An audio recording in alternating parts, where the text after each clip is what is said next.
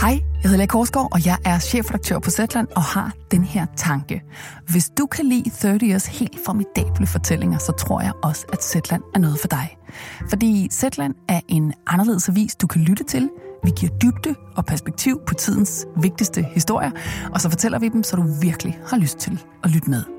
Du kan blive medlem lige nu for en 20 for de første to måneder, så hop ind på zetland.dk-30'er eller klik på linket i podcastbeskrivelsen. Så ses vi forhåbentlig i Zetland-appen. Hej, så længe.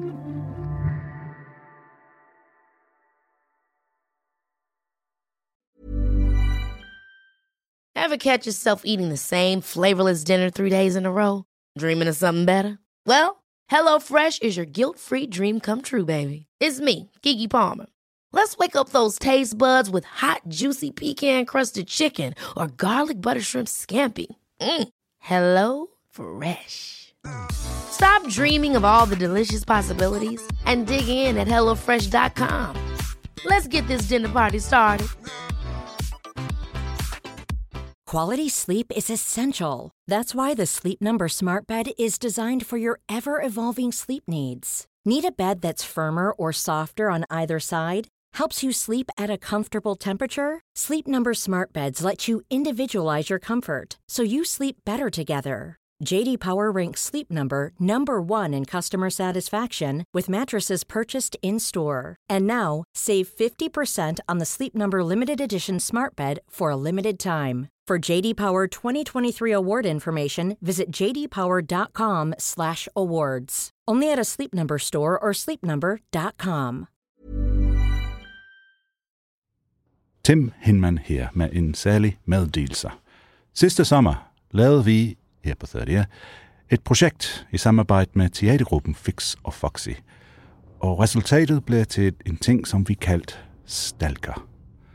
Det er et slags psykologisk sci-fi spændingsdrama i form af en audiowalk for to personer. You need a guide. You need a stalker. Den er baseret på Andrei Tarkovskis film fra 1979, som også hedder Stalker.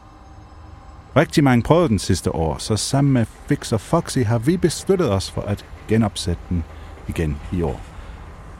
Det er 100% gratis at deltage, og du behøver ikke købe billet eller book noget som helst. Og det kan opleves hvor som helst i hele landet hver dag kl. 17 og kl. 21. Og du finder ud af, hvordan, og lidt mere om, hvad der egentlig er, ved at besøge websitet stalker.audio.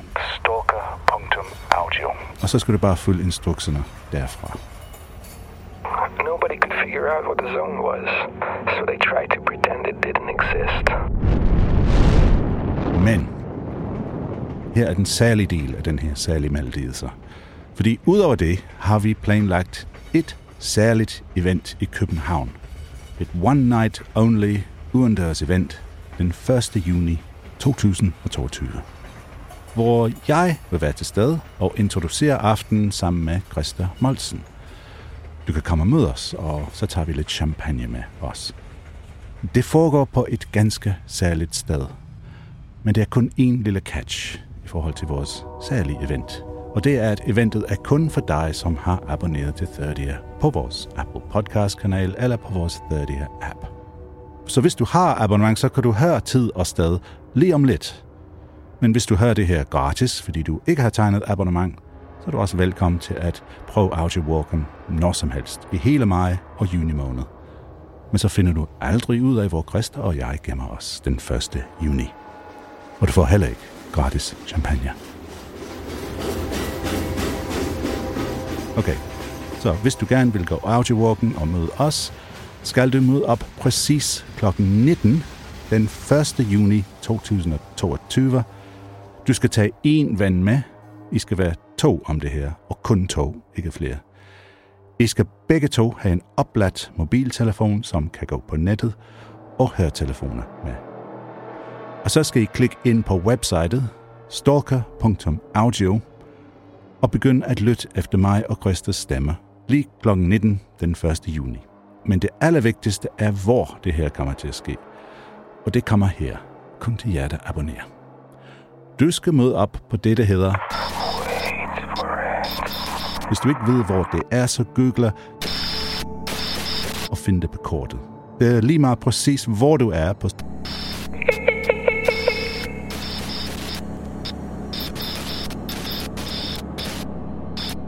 I skal være klar til at gå rundt i cirka en time, og så skal vi nok finde jer til sidst, altså efter jeg går rundt og lyttet i cirka en time. Og husk, at hvis du er til psykologisk sci-fi spændingsdrama i form af en audio walk for to personer, så gå ikke glip af det her. Og hvis du kan lide gratis champagne, så husk at abonnere på vores Apple Podcast kanal eller vores 30 app. Du kan gå på websitet www.stalker.audio Stalker.audio. og læs mere om audiowalken når som helst. Men tidspunktet og stedet for det her special event, det får du kun her.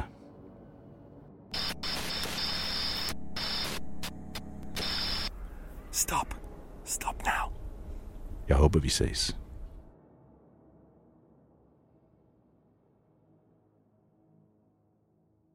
Du lytter til en podcast for Third Ear.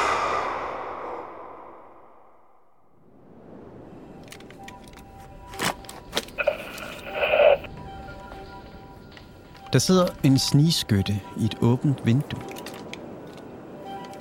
Vinduet er i et kontroltårn på en lille flyveplads i Norge. Snigskytten peger med sin riffel på en bil, der holder parkeret for sig selv midt på en tom parkeringsplads. Han stiger gennem sit kikkertsigte, leder efter den mindste åbning for et rent skud. I bilens vinduer hænger skudsikre veste og blokerer for udsynet. Bilen er en rød Volvo med fem sædepladser, men der er seks voksne mennesker inde i den bil. De sidder helt tæt klemt sammen. Der sidder to røver, og så er der fire gisler, som røverne har taget. Der er et ældre ægtepar, og to politifolk, som røverne lige nu sidder og peger på med deres pistoler. Når kommer flyet og pengene over? Den ene af politifolkene snakker i sin politiradio. Vi vil ha flyet og pengene her inden en time fra nå. De vil have flyet og pengene her inden for den næste time, siger han. Eller så begynner de å likvidere, og jeg blir den første. Over. Ellers begynder de at likvidere, og jeg bliver den første. Jeg har oppfattet. Problemet med flyet og med pengene, som politimanden snakker om i radioen, det er, at ingen af delene er på vej. De bevæbnede gisseltager har ellers forlangt 20 millioner norske kroner og 5 millioner D-mark. Og et fly med brændstof nok til at komme over Atlanterhavet. Inden en time så begynner de at likvidere, og jeg bliver den første. Over. Politimanden, der taler i radioen, hedder Frode. Men det var bestemt ikke meningen, at Frode skulle sidde her i bilen sammen med gisseltagerne med en pistol i nakken. Frode startede dagen som gisselforhandler, men nu er han altså endt her inde i bilen som gissel selv. Frode tæller ned.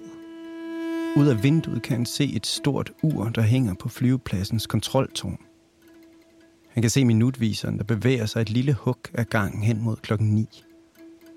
Og en gang imellem tager han sin politiradio frem og fortæller det, som alle allerede er smertefuldt bevidste om. Om en halv time skyder de mig. Om et kvarter skyder de mig. Det er ti minutter igjen til skutt. Over. Fra kontroltårnet indstiller snigskytten sigtekornet på en ørering, han kan se ind i bilen. Der er kun et par centimeter at sigte igennem, hvor den ene af de skudsikre veste i bilruden er sunket lidt sammen. Snigskytten ved, at på bagsædet ved siden af hende gislen med øreringen, der sidder en gisseltager. Snigskytten drejer sin riffel en lille smule til højre, og nu kan han se en anden persons pande. Han kan ikke se, hvem panden tilhører. Det meste af ansigtet er stadigvæk skjult.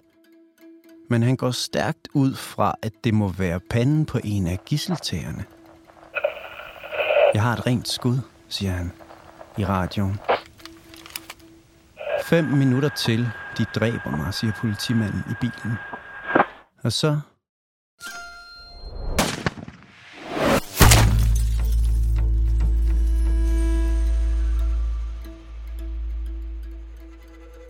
Det her er en scene for noget, der vil gå over i historien som et af Nordens mest intense gisseldramaer.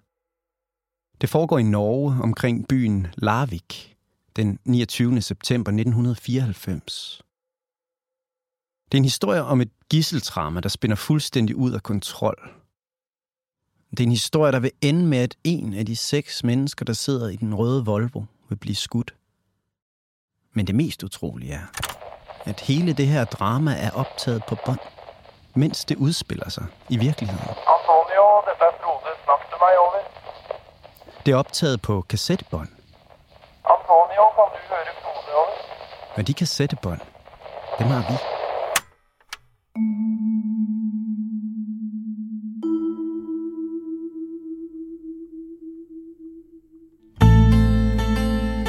Lave podcasts, som vi gør her på Third Ear, og når man fortæller historier fra den virkelige verden i lyd, er der nogle ting, man næsten vil give sin højre arm for. Ting som gamle kassettebånd. Især hvis de kassettebånd indeholder et komplet gisseldrama fra start til slut. Optaget ulovligt, mens det udspiller sig over politiets radiofrekvenser. Det her er en historie, som foregår i Norge i midten af 90'erne. Det kommer til os fra en af vores nye kolleger fra vores nye kontor, Third Ear, i Norge. Og han hedder Lars Christian Øverland. Lars Christian har lavet en hel podcast her om den historie. Den, der findes på det her kassettebånd. Det er også ham, der har gravet båndene frem fra en gammel flyttekasse. Lars Christians podcast var selvfølgelig på norsk, men vi synes, at historien er så god, at vi ikke kunne lade være med at bringe den til dig her på dansk. Eller på dansk med lidt norsk, lidt engelsk og lidt gangsterskånsk med stærk sabokroatisk accent. Lydkvaliteten på kassettebåndene er ret dårlig en gang imellem, men vi har gjort alt, hvad vi kan for at gøre det hele forståeligt, så du kan høre det dramatiske gisseldrama, som udspiller sig på de bånd. Det her er første del af en toparts historie, som vi har kaldt Mixtape Gisseldrama. Og herfra er det Lars Christian Øverland og Christian Molsen, som vil fortælle historien.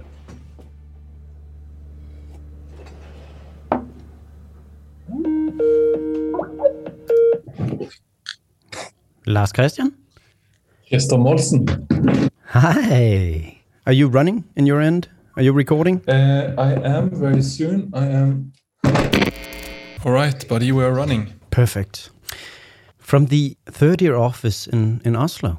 from the third year office in Oslo. How how do you feel about that? How, It feels great. It's so cool. yeah, We have an office in Norway. Yeah. It feels like uh, it feels big. yeah. It does. Well, uh, so last question, I wanted to talk to you about the a new series you made. Yeah. What, what's what's it called? Um, da politiet skjøt for å drepe When the police shot to kill. And it's about a hostage situation, right? Exactly, yeah. It's the only time in, in Norwegian history after World War II where the police has fired a shot to kill someone, not in defense. And in this in the series you made, there's there's a tape.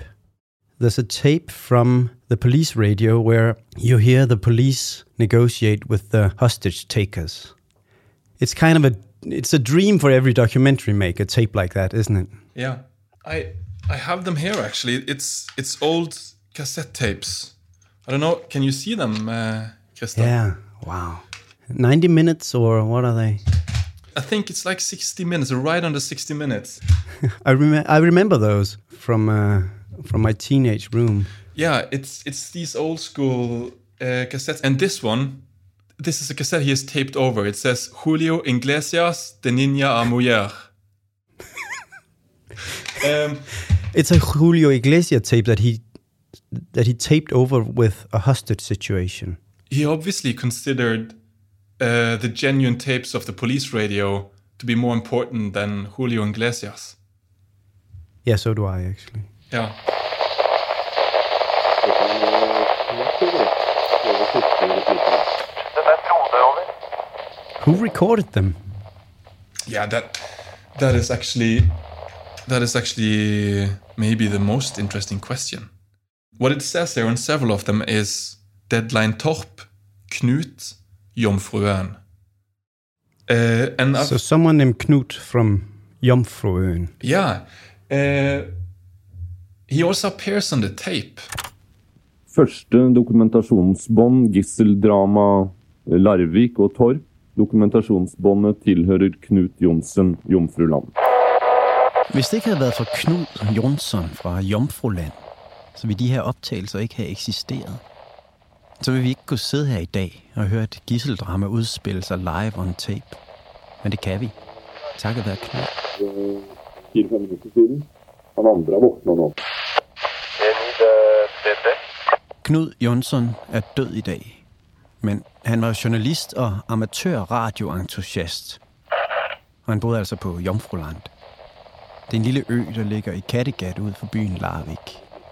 Og derhjemme på ødegården, der sidder Knud tit og lytter til sin radio. Var det oppkall til Frode, over? Eller nok nærmere lytter til sine forskellige radioer. Han har en kortbølgeradio, en almindelig FM-radio, og så har han, selvom det nok egentlig er ulovligt, også en politiradio. Alle Knuds radio er sat til hans kassettebåndoptager, så han kan trykke record, hvis der skulle komme noget spændende i en af radioerne. Knud optager alt muligt på sine bånd.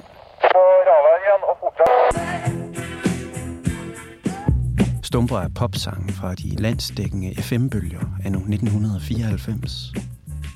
Han optager DJ-programmer på lokalradioen i Larvik. Men det var ikke noe i veska. Nyhedsindslag, talkshows og noget, der lyder som fisker eller måske lastbilchauffører, der snakker med hinanden over kortbølgeradioen. Jeg har langt hår. Og så optager han altså også politiradio, hvor han kan følge med i, hvad politiet i Larvik og omegn foretager sig. 47. Frode svarer. Det hele er blandet sammen på Knuds bånd. Men Jeg forestiller mig, at han trykker record på sin optag, og så tuner han rundt på de forskellige radioer, for at finde det mest interessante at spille ind på sit bånd. Så det her er mixtapes af alt det mest interessante, der findes på Knuds radiobølger. Og 10 minutter over midnat, den 29. september 1994, der sker der noget ud over det sædvanlige på Knuds radiobølger. 29. september 1994. Eh, Optakene mine starter eh, ti minutter over midnat. Eh, Yeah, he's taping it, and he's sitting there alone in his house on the island and just listening to this tense situation and rolling through the night. Han Robert, vi har sett på det. That's Knud. Yeah, And he's sitting there recording on his uh, on his tape machine. yeah, yeah. It's incredible. And and what he says there, ten minutes past midnight. That means that he started recording just before the negotiator, Frode Anmarkrud, arrived at the scene. Ja, det er fra politiet, og mitt navn er Frode, og jeg skal prate med deg framover nå. Hva heter du? For at forstå det gisseldrama, som Knud kommer til at optage på sin kassettebånd den her nat, den 29. september 1994, så må vi spole tiden tilbage til dagen før. Det er en onsdag, den 28. september 1994, på et postkontor i Larvik. Det er en ganske særlig dag. That day was a special day because this was the day when the citizens of Larvik could go to the post office to get their tax money back. So there was a lot of money at the post office. Det er tidligt om morgenen. To maskerede mænd smadrer et vindue og kravler ind på postkontoret og gemmer sig. Da den første postmedarbejder åbner døren den morgen, bliver hun overfaldet af de to røvere. Hun får stukket en pistol i hovedet og bliver tvunget til at åbne pengeskabet. De to mænd fylder en sportstaske med penge. Den er så tung, at de bliver nødt til at bære den imellem sig. De flygter ind i en bil, giver den gas og kører væk. Og så sker det første uforudsigelige uheld af mange den dag. 300 meter fra postkontoret bryder bilen sammen. Den kan ikke køre mere. Altså nu er de to røver til fods med en tung taske fuld af penge imellem sig. De springer ind bag i en håndværkerbil på gaden. Der sidder en håndværker, og ham tvinger de til at køre dem væk. De ender i en skov lidt uden for Larvik, hvor de efterlader håndværkerne og forsvinder ind mellem træerne. Det næste døgn gemmer de sig i skovbunden, mens politiets helikopter hænger over skoven for at spotte dem. Og mens de lokale politifolk selvfølgelig har spærret hele området af, og er i gang med at finkæmpe skoven for at fange de to.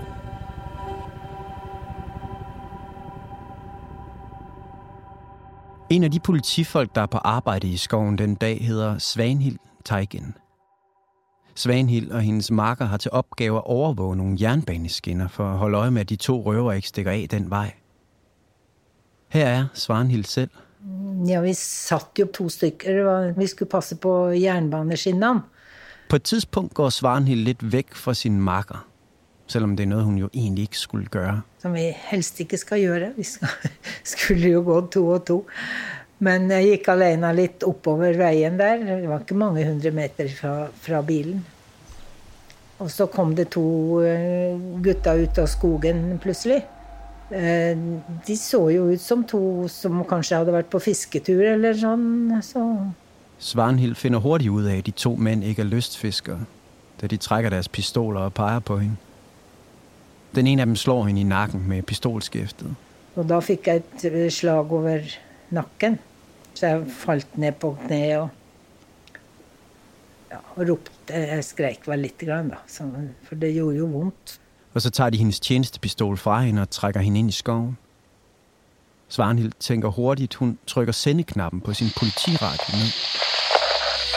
Det er bare støj, der kommer igennem Svanhilds politiradio, men andre politifolk i området kan høre, at der foregår et eller andet. Jeg trykte ned eh, sendeknappen på, på radioen, sånn at, at de som var ute, skulle skjønne at det var, noe, hadde noe som skjedde der oppe.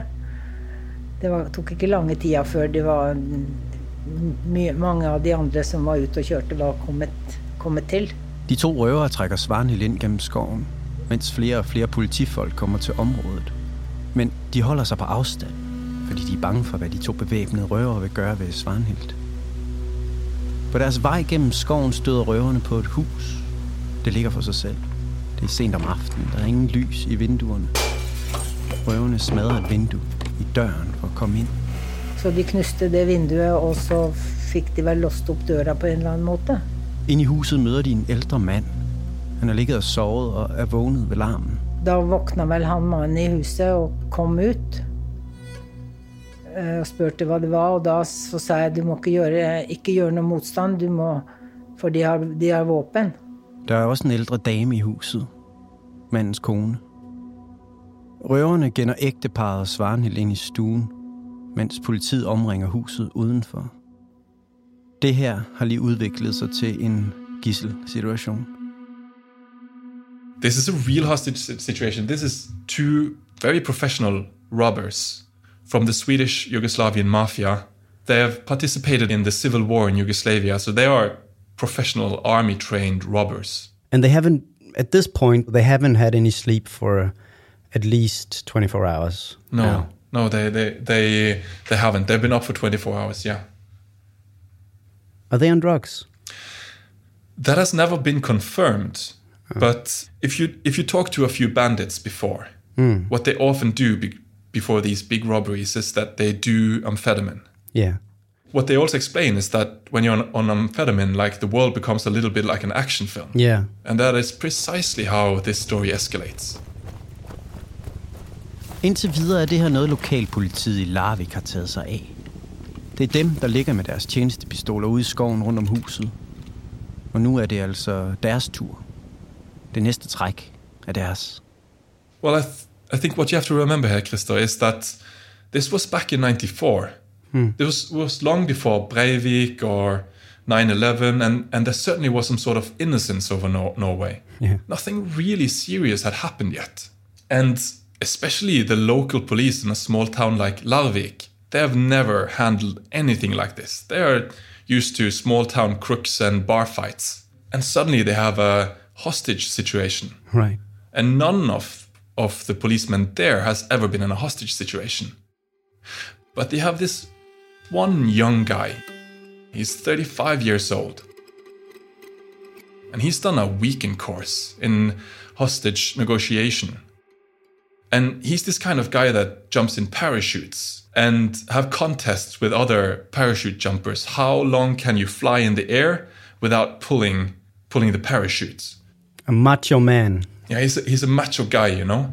And when he's called up and asked to negotiate in a hostage situation, he says that he felt a tingle in his belly, and of course he says yes. This is something exciting, you know. And he had a he had a weekend course in in negotiating hostage situations. Yes, and in that weekend weekend course, he made a um, folder of notes. So he drives immediately to the police station, locks up his um, locker room, takes out that folder, puts it next to him in the car, and he drives off to negotiate.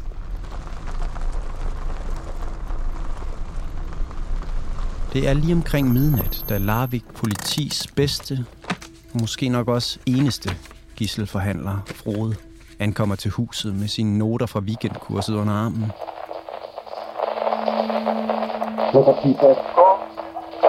Nu er sagen i Frodes hænder. Der er en politiradio klar til ham i en af bilerne uden for huset. Frode kalder gisseltagerne over sin kollega Svanhilds politiradio. Den har hun stadigvæk på sig inde i huset. Det er derfor, at al snakken imellem Frode og gisseltagerne kommer til at foregå over politiradioen den her nat. Og det er derfor, at Knud Jonsson fra Jomfruland kommer til at optage det hele på kassettebånd. Ja, det er fra politiet, og mitt navn er Frode, og jeg skal prate med deg fremover nå. Hva heter du? And you can hear Frode here, like just how he opens up. It's so Norwegian. Mitt navn er Frode. Hva heter du? Jeg heter Antonio Montana, ok? Ja vel, da kaller jeg deg for Antonio. Antonio Montana, Vancouver. Røveren i den anden ende af politiradioen præsenterer sig selv som Antonio Montana. Men det er ikke hans rigtige navn. Antonio Montana. Yeah. That's uh, Al Pacino's character in, in Scarface, right? Yeah, and that is a reference that Frode does not catch at all. And he, he he says it a little like Al Pacino says it in Scarface, actually. Antonio Montana, Vancouver. Precisely. Antonio Montana, Vancouver. Antonio. Det er det, Frode vil kalde gisseltageren igennem resten af de bånd, der er optaget den her nat. Han har lært, at det skaber en mere personlig kontakt, hvis man er på fornavn med gisseltagerne. Så nu er der etableret kontakt. Så er det tid til næste punkt i Frodes gisselhåndteringsmappe. His first job then, because this is what it says in the folder and what he learned during the course, is to establish a relationship. But that is easier said than done. Det er op ad bakke lige fra starten for Frode. Ja, det er greit. Vi kaller deg for Antonio. Dit navn er Antonio, Og mitt navn er Frode, og vi skal prate sammen. og jeg hedder Frode. Men vi to, vi skal tale sammen. Ikke Antonio Montana. Ja, men vi er avhengige, du og jeg, Antonio, at vi stoler på hverandre. Er du enig i det, eller? Vi to, vi skal stole på hinanden. Er du enig i det, siger han. Jeg kan aldrig stole på dig. Og Antonio han svarer, nej, jeg kan aldrig stole på dig. Forstår du det? Forstår du det? Og så siger han, Vi forhandler ikke med dig. vi er slet ikke ude på at forhandle med dig. Ja, exakt som vi siger. Du skal bare gøre præcis, som vi siger. Alright, exakt som vi siger. Forstår du det?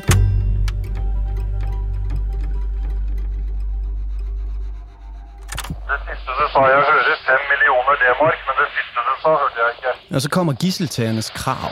5 millioner D-mark 5 millioner D-mark og 20 millioner norske kroner. og 20 millioner norske kroner er et flygplan også skal være klart. og et fly med brændstof nok til at komme over Atlanterhavet. Det er det, de vil have. Ja, se hva vi kan gjøre med det. Frode siger, at han vil se, hvad han kan gøre. Frodes chefer i Larviks politi har fortalt ham, at de har sendt bud efter forstærkninger. De har sendt bud efter en special politienhed, der er trænet i at dele med gisselsituationer. Delta Force hedder de. Men de er i Oslo, så det tager mindst et par timer, inden de kan være her i Larvik. At this point, his plan is to just to drag out the time so the Delta Force can get there and surround the house. And then they'll do the shooting and knock down the doors. At one point, he says the money is on the way.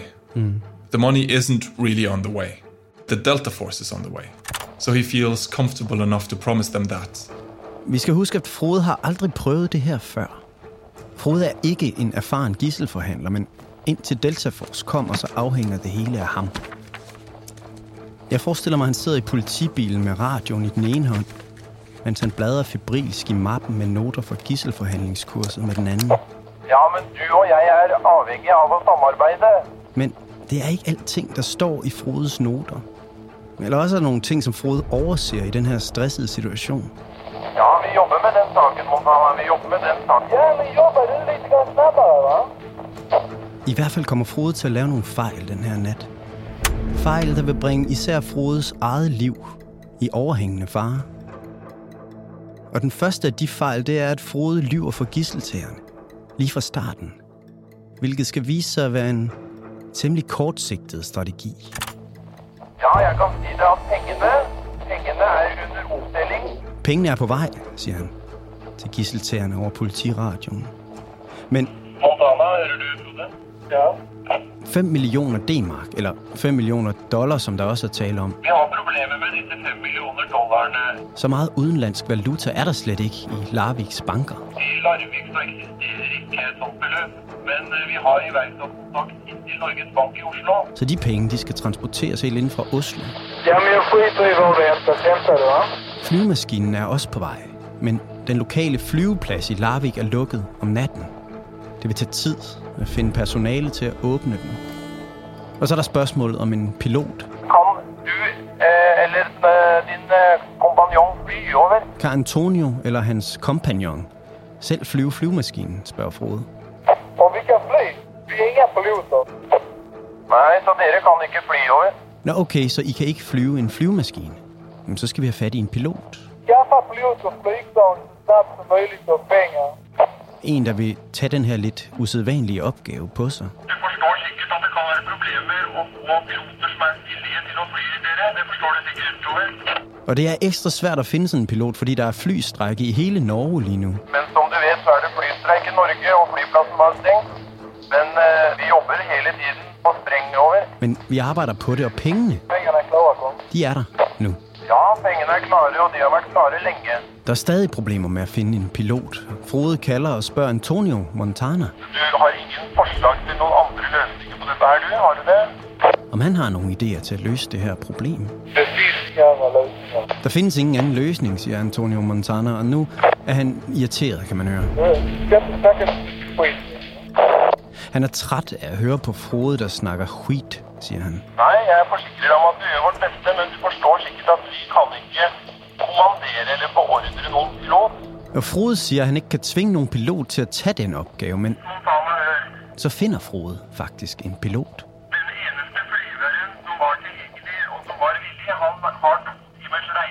Problemet er bare, at han har to timers rejse til Larvik.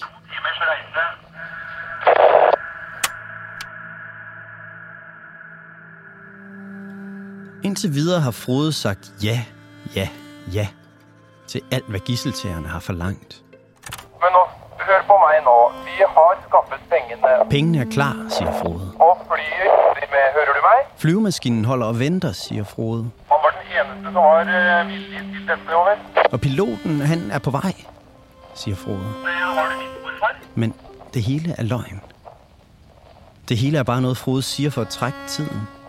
Og det er jo ikke noget problem, så længe gisseltagerne ikke ved, at Frode er fuld af løgn. Men det kunne godt vise sig at blive et temmelig stort problem, hvis de nu finder ud af det. Hjemme hos Knud Jonsson, der sidder i sin ødegård på Jomfruland og optager hele den her nat, der er båndet lige ved at løbe ud. Man kan høre, at han siger, at klokken er 2.20, og at båndet løber ud nu, og han skal skifte det. Jeg bytter tape. Og så kan man høre det sidste af Scorpions nummeret Still Loving You, som må have ligget på Frodes bånd i forvejen. Sådan lyder slutningen af bånd nummer to af de bånd, Knud optog.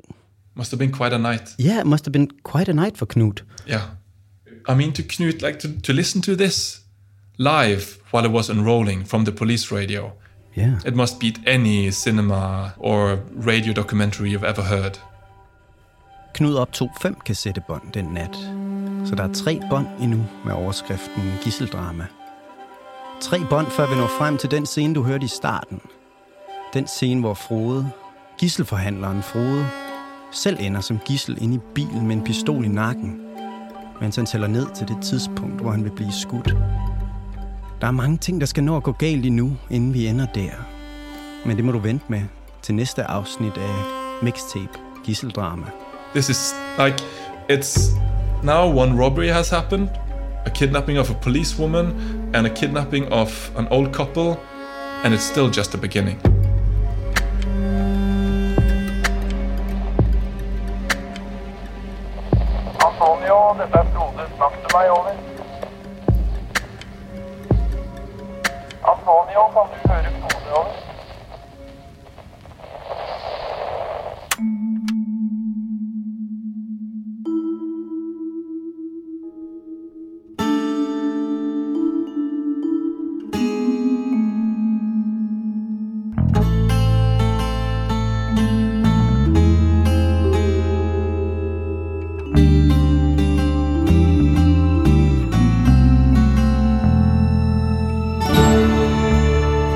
Det var første del af Mixtape Gisseldrama. Historien var skrevet og fortalt af Christa Moltsen og Lars Christian Øverland.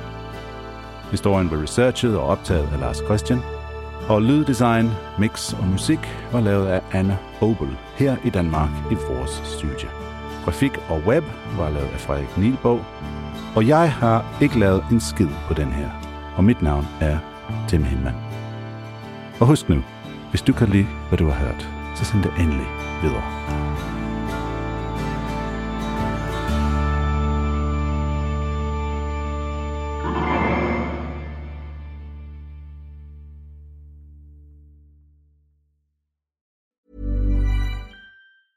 Planning for your next trip? Elevate your travel style with Quince. Quince has all the jet setting essentials you'll want for your next getaway, like European linen, premium luggage options, buttery soft Italian leather bags, and so much more. And it's all priced at 50 to 80% less than similar brands. Plus, Quince only works with factories that use safe and ethical manufacturing practices. Pack your bags with high-quality essentials you'll be wearing for vacations to come with Quince. Go to quince.com slash trip for free shipping and 365-day returns. Ever catch yourself eating the same flavorless dinner three days in a row?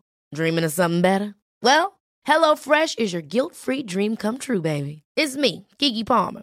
Let's wake up those taste buds with hot, juicy pecan-crusted chicken or garlic butter shrimp scampi. Mm. Hello Fresh. Stop dreaming of all the delicious possibilities and dig in at HelloFresh.com. Let's get this dinner party started.